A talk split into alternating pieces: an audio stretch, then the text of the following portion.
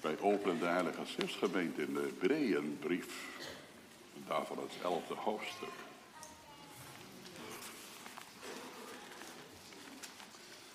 Hebreeën 11, waar we de eerste 16 versen lezen en dan vervolgens de versen 35 tot en met 40. Hebreeën 11, de eerste 16 versen en daarna de versen 35 tot en met 40.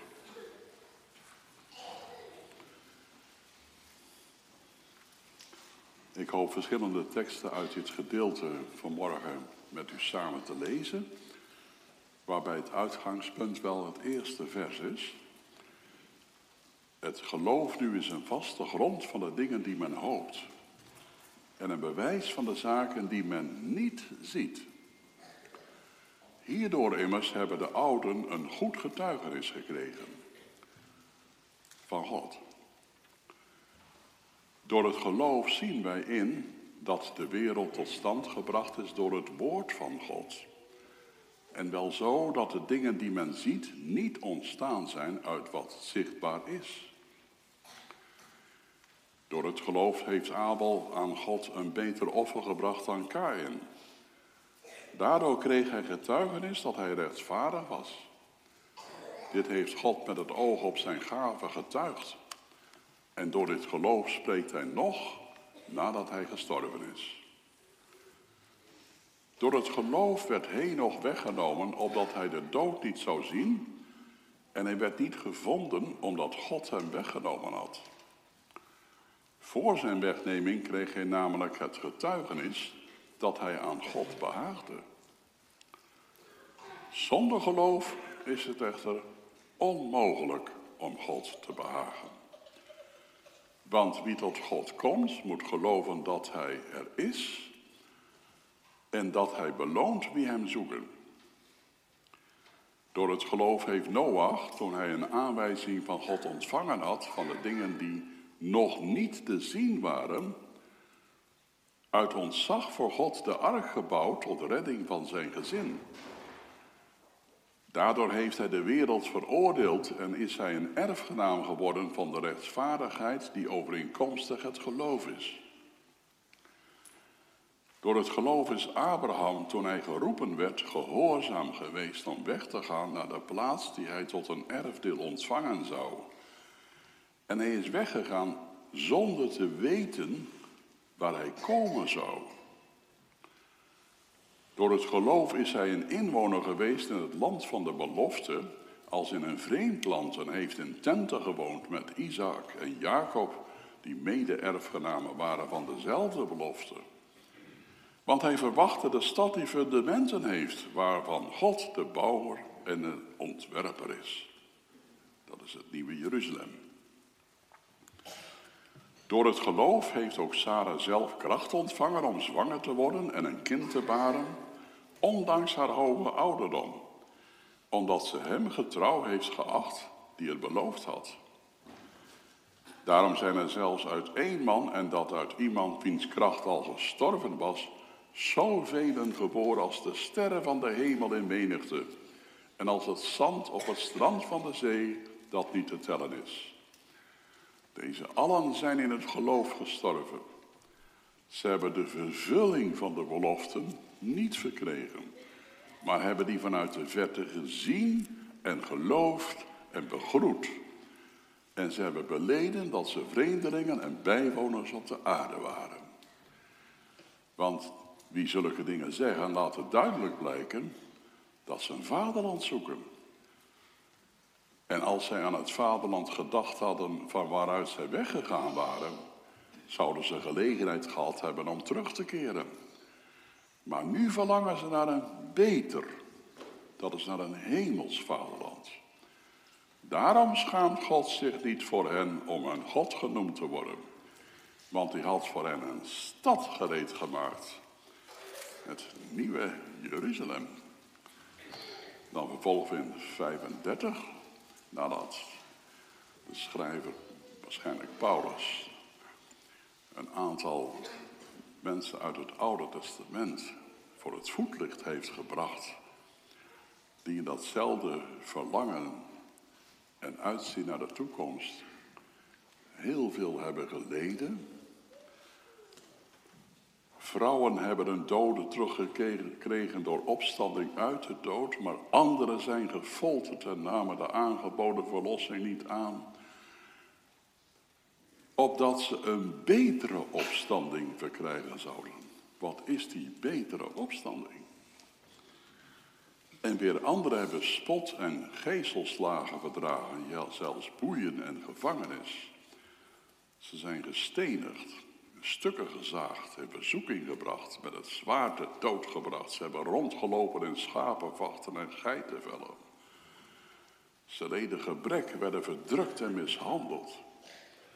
De wereld was hen niet waard. Ze dwaalden rond in afgelegen plaatsen en verbleven op bergen, in grotten, in holen der aarde.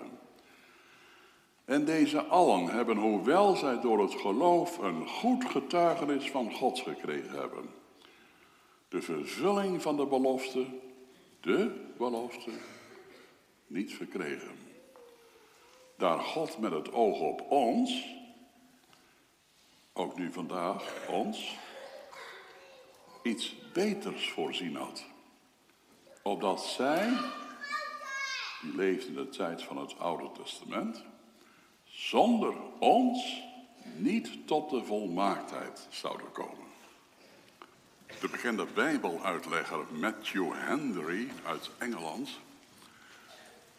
die was als jonge man verliefd geworden op een meisje. Tot groot ongenoegen van de vader van dat meisje. Want ja, Matthew kwam uit een eenvoudig gezin. Die vader van dat meisje, dat was iemand die tot de hogere stand gerekend werd in die dagen. Toen volgde een gesprekje tussen vader en dochter, waarbij die vader zei: Wie is die Matthew eigenlijk? Waar komt hij helemaal vandaan? Op zo'n minachtende manier. Toen gaf dat meisje een briljant antwoord. Briljant. Ze zei: Papa, Waar Matthew vandaan komt, dat interesseert me niet. Maar wel waar hij naartoe gaat. En ik wil graag met hem mee.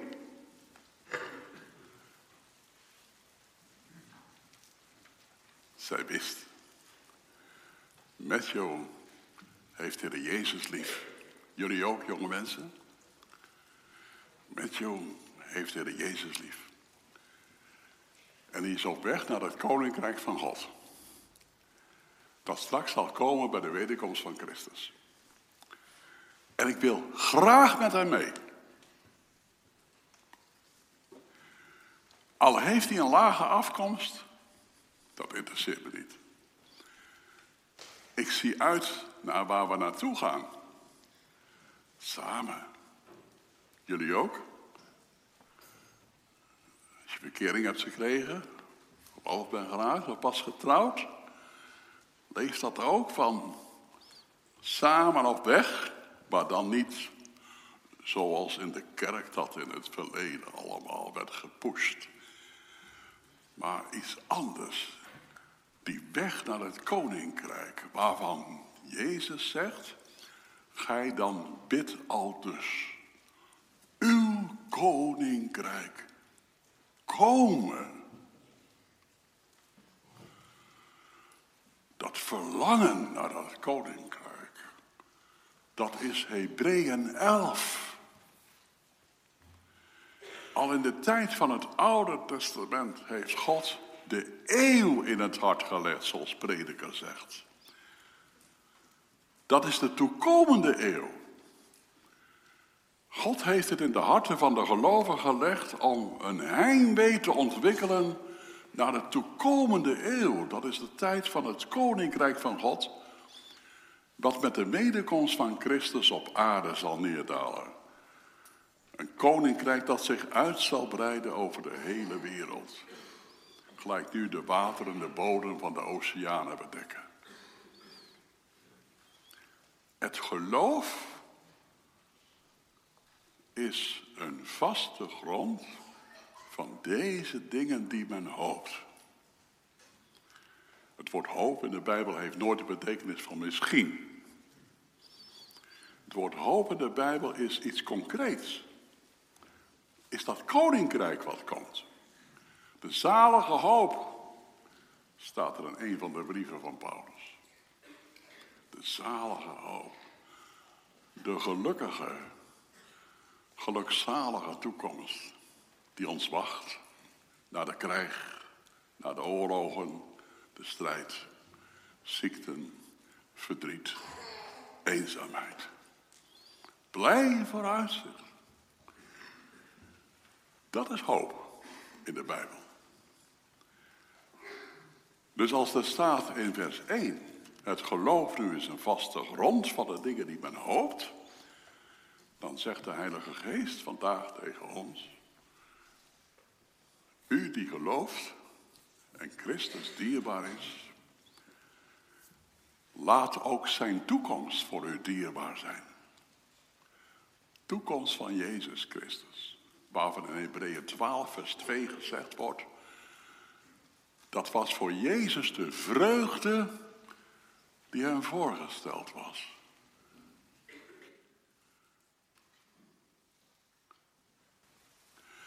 En staat er achteraan, en een bewijs van de zaken die men niet ziet. Hoe kan u het geloven een bewijs zijn van dingen die je nog niet ziet?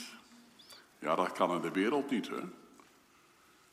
Ik kan zeggen, als ik in een vliegtuig stap om naar Rome te reizen, dat ik vertrouw op de piloot en de crew en het grondpersoneel natuurlijk, dat ze dat vliegtuig op de juiste wijze hebben gereed gemaakt voor de vlucht.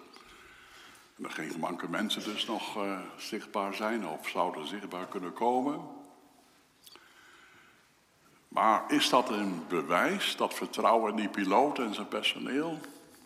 Is dat een bewijs van dingen die je nog niet ziet? Bewijs dat je dus straks in Rome zult komen? Nee. Maar we hebben te doen, geliefden, met een heiland, Jezus Christus, die ons niet naar Rome zal brengen, maar naar Jeruzalem. Uit Jeruzalem wat boven is, wat straks naar beneden zal komen. En hij heeft ons gegarandeerd dat als we in hem geloven en uitzien met hem naar de vreugde die ons voorgesteld wordt, dat dat geloof, dat vertrouwen een bewijs is dat we het zullen meemaken. Dat we kinderen van God zullen zijn. Kinderen van het koninkrijk. En dat we straks dat koninkrijk zullen binnengaan. En naar openbaring 20 met Christus in dat koninkrijk op aarde zullen regeren. De Bijbel noemt dat geloof het bewijs. Dat is een zekerheid die opwelt uit de beloften die God geeft. De beloften waar al die heiligen uit de tijd van het Oude Testament, die hier genoemd worden, op gesteund hebben. De beloften die ook nu ons tot bewijs zijn. En het geloof in die beloften, het getuigenis van Gods geest in ons hart, dat het zo is. Dat het waar is.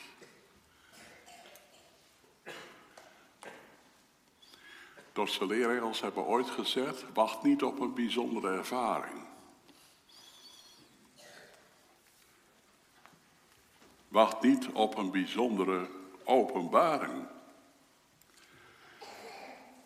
Want de verzekerdheid, dus het bewijs, ontstaat niet uit een bijzondere openbaring, zonder of buiten het woord geschiet, maar uit het geloof aan de belofte van God. Simpeler gezegd, als u straks de kerk uitgaat en u zegt, ik heb nou weer een belofte van God gehoord. En ik steun daarop, dat is mijn grond, daar sta ik op. Dat is mijn grondslag in mijn leven, mijn fundament. Dan is het zeker dat je krijgt wat je gelooft. Die zekerheid ontstaat Door het geloof in de belofte van God. En niet door een bijzondere ervaring of een crisiservaring. Hierdoor.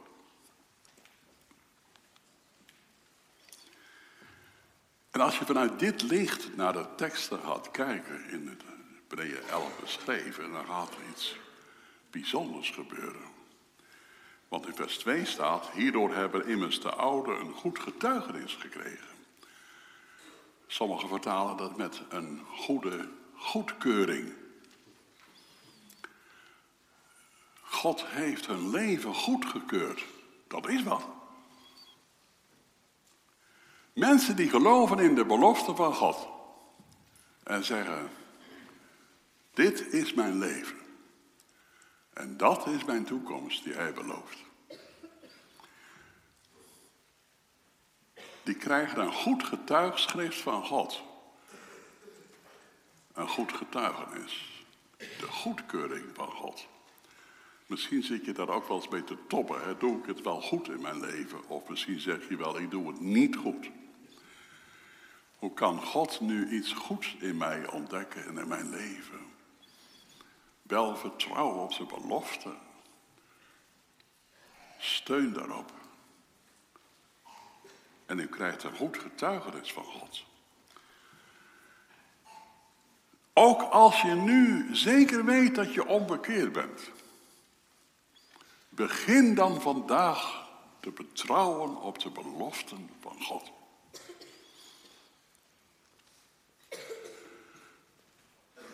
Een van de Puriteinse oudvaders, Erskine, heeft eens gezegd... dat is net zoiets als dat je gaat zwemmen. Maar dan moet je je wel bewegen, zegt hij. Dan moet je je wel bewegen. Erskine was niet van, bid maar veel om bekering. Nee, kom. Ga naar Christus. Vertrouw op zijn belofte. En je zult ervaren dat hij en zijn woord betrouwbaar zijn.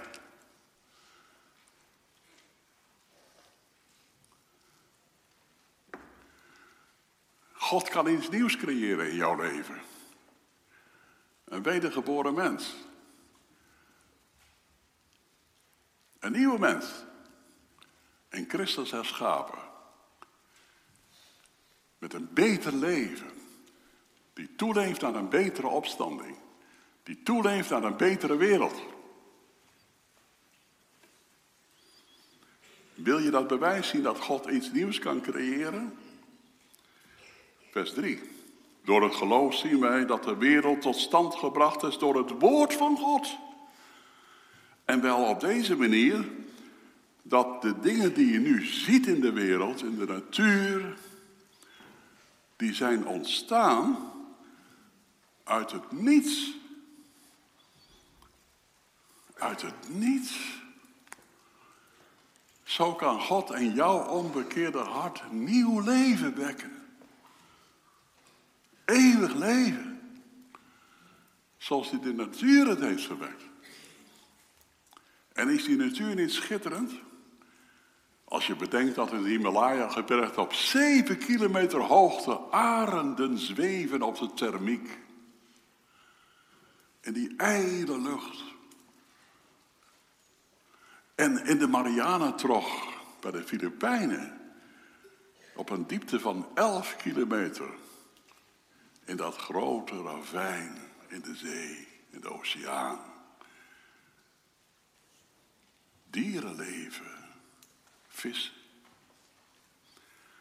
Is die natuur die God geschapen heeft niet heerlijk?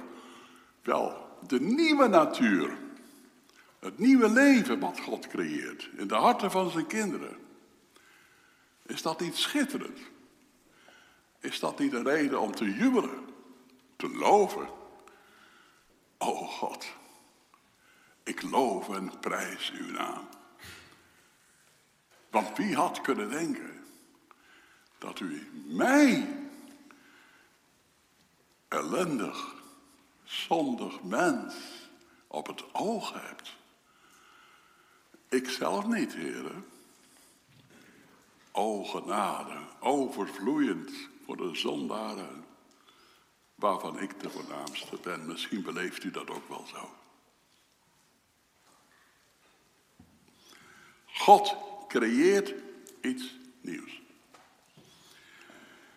Ondanks onze slechte afkomst. Want we zijn allen in Adam gevallen mensenkinderen. Er is niemand in Apeldoorn die ontsnapt aan dit oordeel. Wij kunnen van nature ook God niet liefhebben en dienen.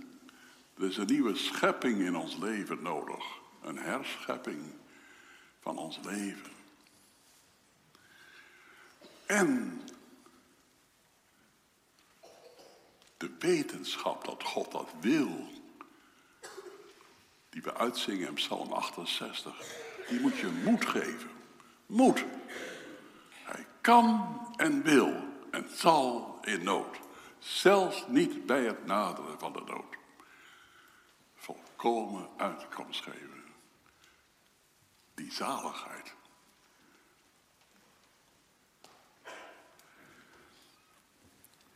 Abraham was ook een mens die een slechte afkomst had. Jozua 24, vers 2 vertelt ons dat Abraham met zijn vader en zijn grootvader afgoden heeft gediend. In die wereldstad in het Sumerische Rijk Oer. Waar die Zikora stond, die tempeltoren die tot in de hemel moest reiken. Waar de meest liedelijke afgoderij bedreven werd. Perverse seksualiteit en occultisme verweven met elkaar. Daar kwam Abraham vandaan. Onze afkomst, onze slechte afkomst, is voor God geen verhindering om ons in een nieuw leven naar een nieuwe toekomst te gaan leiden. Denk nooit, ik ben te slecht. Ik heb te lang, ik heb te zwaar gezondigd. Ja, maar dominee, je hoort wel eens mensen zeggen, je moet eerst berouw over je zonde hebben voordat je tot Christus mag komen. Is dat dan niet zo? Nou ja, eh, het is geweldig als je berouw over je zonde hebt en eh, daarmee tot Christus gaat. Alleen, echt berouw over je zonde krijg je pas als je hem hebt aangenomen. Tot je zalig maken. Je kunt alleen echt berouw over je zonde hebben als je de schoonheid, de dierbaarheid, de liefde van Christus hebt aangenomen, toegeëigend. En dat mag hoor, want hij is je gezonken, zegt Johannes 3, vers 16. Als zo lief heeft God de wereld gehad, dat hij zijn enige geboren zoon geschonken heeft. En Boston zegt, en ieder die die belofte hoort, heeft het recht om hem aan te nemen. Heeft het recht om Jezus aan te nemen. Maar laten we nou eens kijken of de Bijbel zelf die voorwaarden stelt. Van je moet eerst voldoende berouw hebben. Wat zijn nou eigenlijk de voorwaarden die de Bijbel stelt voordat we tot Christus komen? Vers 6. Zonder geloof is het onmogelijk echter om God te behagen. Dus ook niet met een zeker berouw. Ook islamieten en hindoes die kunnen berouw hebben. Toch is dat niet dat berouw wat de Bijbel bedoelt. Het is nog niet dat, dat diepe inzicht. Hoe hater, hoe, wat een hater ik van God en de naaste ben. Dat krijg ik pas in, het, in de ontmoeting met Christus. De reine, de heilige. De schoonste van de mensenkinderen. Heren der heren. Nee, het is onmogelijk om zonder het geloof in Jezus God te behagen. En daar komt het, de voorwaarden. De enige die de Bijbel noemt zijn er twee.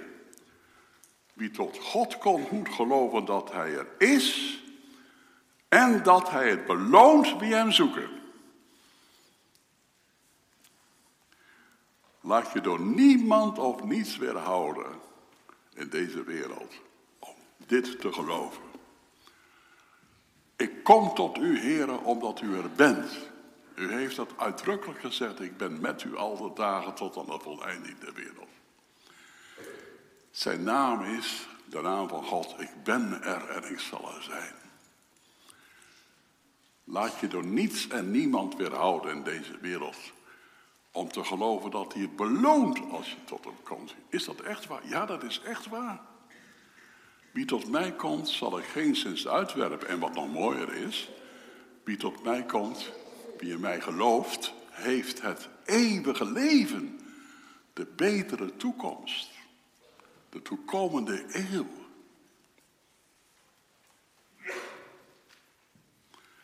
Dat zijn dus de enige voorwaarden.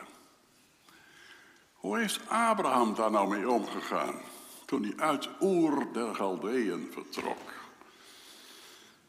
Ja, hij ging naar een land wat hij nog nooit gezien had. Zoals wij reizen vandaag op de Veluwe naar een toekomst die we nog niet gezien hebben. Oh ja, we weten dat Jezaja 11 spreekt over de, de vrede, de natuur die zal komen. De wolf zal bij het lam liggen, enzovoorts.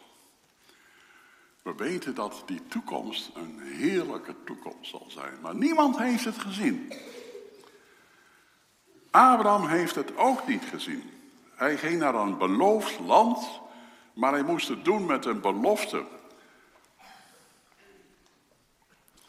En toen hij er kwam, in dat beloofde land, toen had hij niet eens een vierkante meter grond om zijn vrouw Sarah te begraven. Moest hij nog grond kopen voor een graf voor zijn vrouw. Hij bleef gast en vreemdeling op de aarde. Het beloofde land Israël van toen was het nog niet. Abraham moest leren uitzien naar een beter vaderland. Een beter vaderland.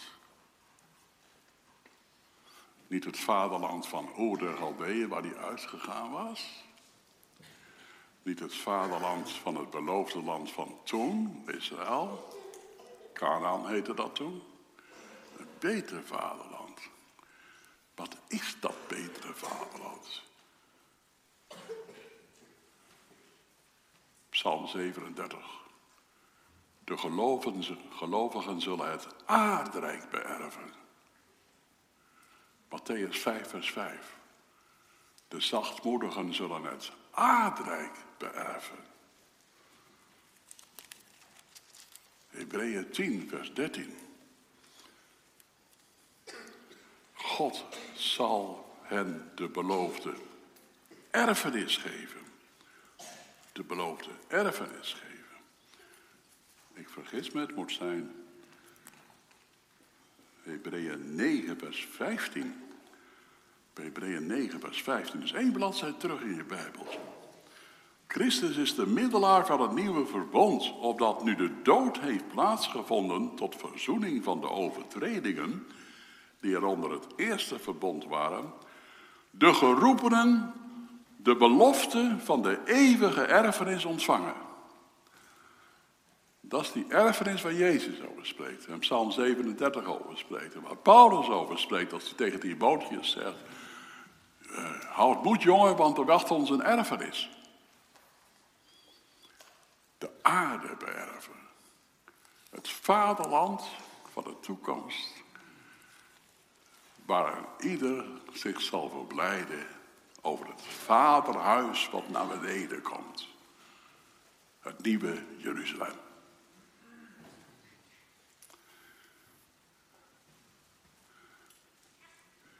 Abraham moest leren om als gast en vreemdeling op de aarde uit te zien naar iets wat hij nog niet kon zien. En toch zag. Dat klinkt heel merkwaardig. Maar dat staat er wel. Hij zag uit van verre naar de stad die fundamenten heeft, waarvan Jezus de architect is, de bouwmeester. Blijkbaar is het zo dat God aan zijn kinderen kan geven dat ze al een vergezicht krijgen op die toekomst. En dat dat hun geloof, hun vertrouwen en verwachting versterkt. Zodat ze in blijdschap de loopbaan mogen lopen op weg naar die toekomst. Ja, laten we maar gewoon heel, heel simpel zeggen. Uh, voor de vakantie begint, is dat gezin toch al ergens in een soort uh, uh, positieve spanning. Hè? We gaan straks op vakantie. We gaan naar de bergen, of we gaan naar de bossen, of we gaan naar de zee.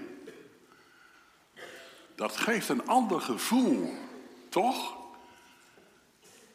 Wel als je weet dat deze toekomst die we van verre mogen zien, in het geloof, voor ons zal zijn, dat geeft ons een ander gevoel, een ander denkkader, een andere manier van leven. Dan zijn veel dingen waar we vandaag ons druk over maken niet zo belangrijk meer. Dan, dan relativeren we veel van de zorgen en de noden die we hebben. Want straks wordt alles anders. Straks wordt ons ruimschoots vergoed van voor wat we geleden hebben in deze wereld. Zelfs Israël krijgt te horen. Israël wat zo door de eeuwen heen is gemarteld, vermoord, geboycott, gehaat. Troost, troost mijn volk, zal u ieder God zeggen. Dat zal Jezus straks zeggen. Als die Israël gaat troosten. Ja. En dat was 35.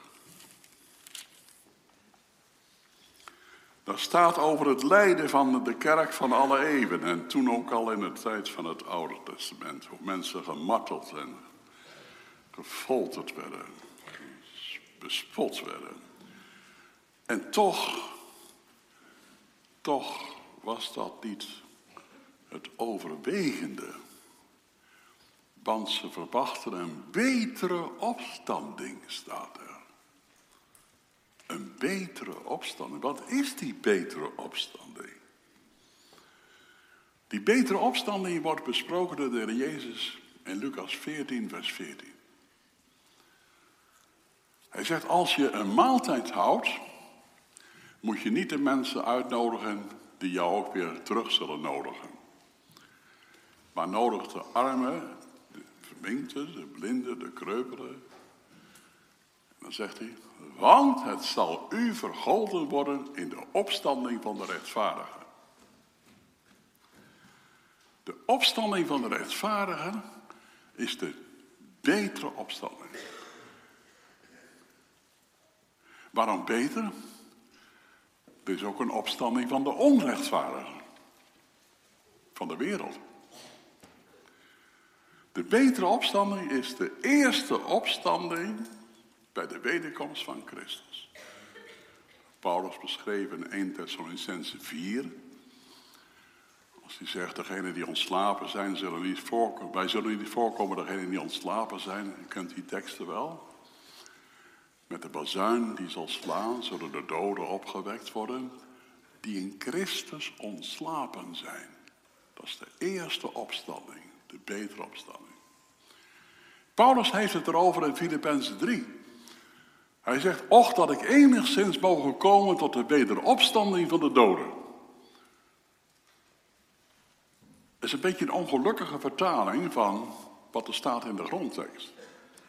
Wat staat in de grondtekst letterlijk? Och, zegt Paulus, dat ik mag komen tot de uitopstanding uit de doden. En hij had ongetwijfeld de betere opstanding in gedachten die hij hier in de Hebreeënbrief beschrijft.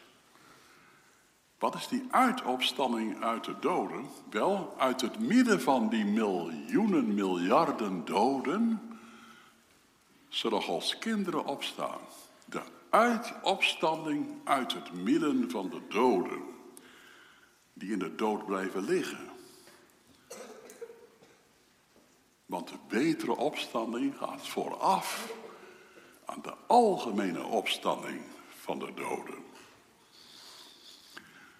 Spurgeon, die deze teksten ook heeft uitgelegd, en het is de moeite waard om dat eens na te lezen wat hij daarvan zegt, die geeft ook deze opvatting weer. En dan haalt hij ook openbaring 20 aan, waar staat dat de betere opstanding, de opstanding van de rechtvaardigen, het begin is van het duizendjarig vrederijk.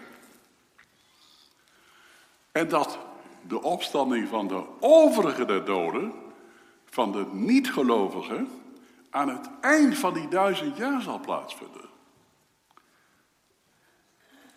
Wat zegt Spurgeon daarvan? Het eerste voorrecht van de rechtvaardigen is de eerste opstanding. De schrift is klaar en duidelijk genoeg. Waarschijnlijk heeft u tot nu toe gedacht dat alle mensen op hetzelfde ogenblik zullen opstaan. Maar dit is niet een getuigenis van het woord van God. Gods woord zegt dat zij die in Christus zijn ontslapen, eerst zullen opstaan. Of het tijdsverloop tussen die eerste opstanding en die algemene opstanding letterlijk duizend jaar of korter of langer duurt, beslis ik niet. Maar dit weet ik, dat er twee opstandingen zijn. De een van de volmaakte rechtvaardigen en de andere van de goddelozen. Nou, denk daar maar eens over na. Dat we het woord mogen lezen zoals het staat. En eens mogen verheugen over die eerste opstanding. Paulus heeft door de Heilige Geest daar inzicht in gekregen. Dat is formidabel. Die zegt in 1 Korinthe 6, vers 3. Weet gij niet dat de heiligen de wereld zullen oordelen? Weten jullie niet dat de heiligen de engelen zullen oordelen? Als openbaring 20 zegt dat de gelovigen met Christus zullen regeren op aarde na de opstanding. Dan legt Paulus uit dat ze met Christus zullen oordelen. Wat is dat een vooruitzicht? Dat wij recht zullen doen op aarde met Christus Jezus.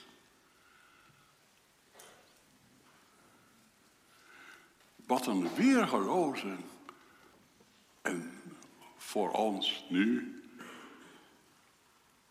bijna niet te geloven toekomst wacht ons. Dezelfde wereld, zegt Irenaeus in de tweede eeuw, waarin wij onrecht en lijden hebben moeten verdragen, zal de plaats zijn waar we de erfenis zullen binnengaan.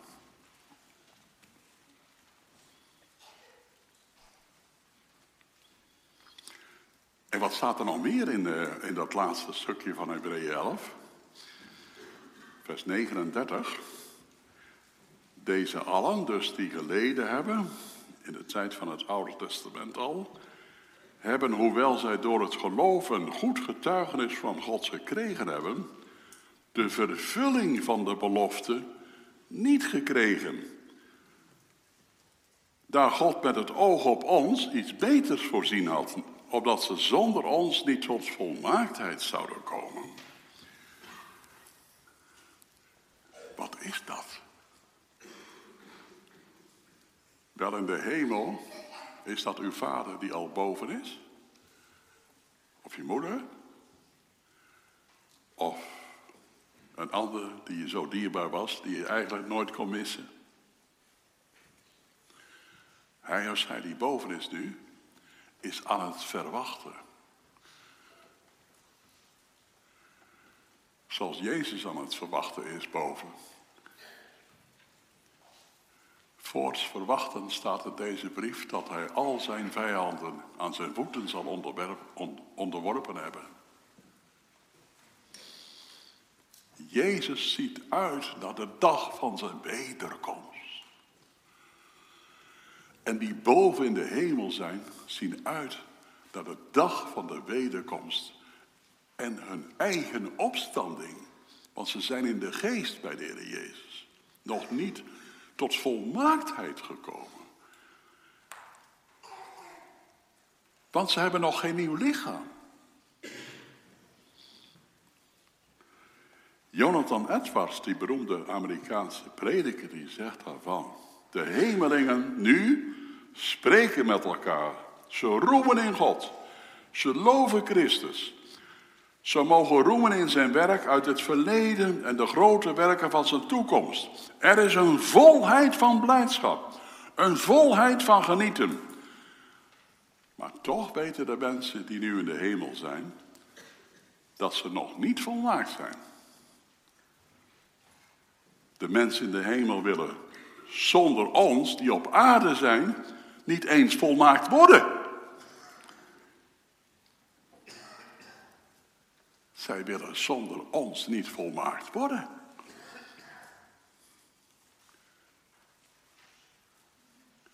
Zij wachten op de dag van de glorie van Christus. Die zalige hoop en verschijning van onze gezegende majesteit Jezus Christus. En op die dag zullen ze samen verenigd worden met de strijdende kerk van de 21ste eeuw met Gods volk ook in Apeldoorn. En in de hemel zijn ze verwachtend en haastend tot die dag. Kom, Heer Jezus, ga, ga nu. De aarde wacht zo lang er wordt al zoveel geleden. De mensen zijn zo bang. Spurgeon en Murray en vele anderen die gezegd hebben: God laat toe dat ze iets weten van wat er gebeurt op aarde. Hij opent soms de poorten van de tijd.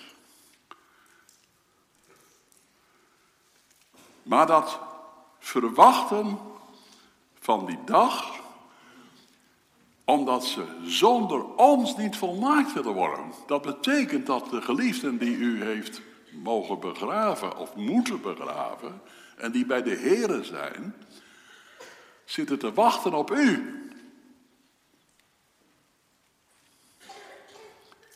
Ja, hij of zij wil zonder u niet volmaakt worden. U die gelooft in Jezus Christus. Daar gaat het natuurlijk over. En ze kunnen bijna niet wachten.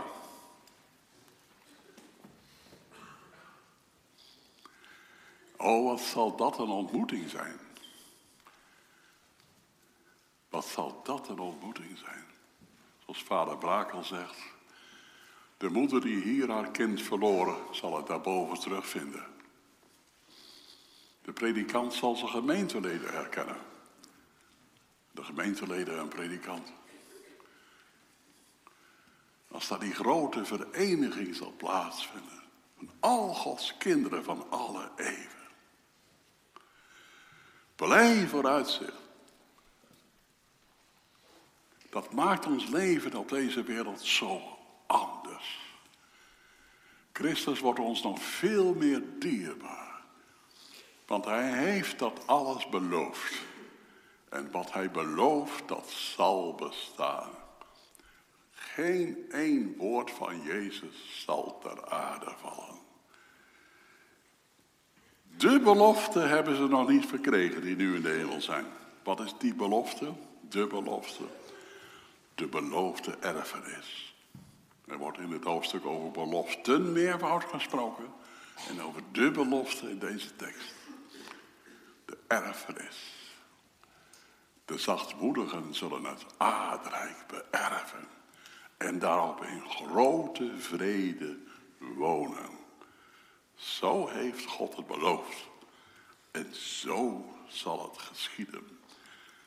Want God heeft met het oog op ons, die nog in de strijdende kerk zijn, iets beters vooruitgedacht, voorzien. Namelijk dat degenen die al bij hem zijn in de hemel, zonder ons niet zullen volmaakt worden.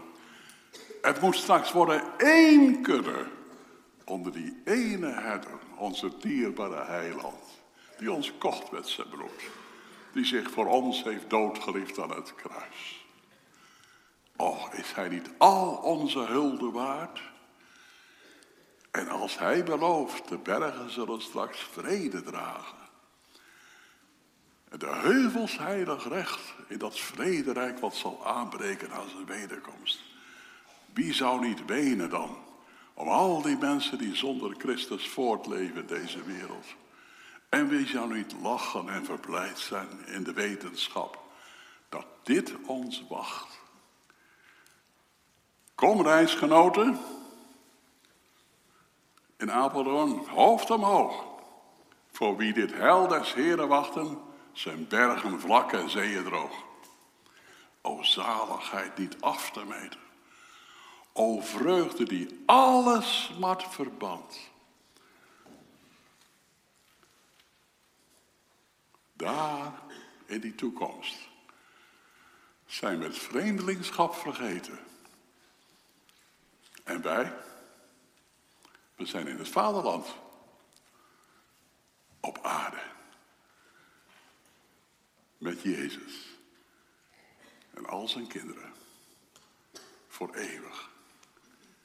Amen.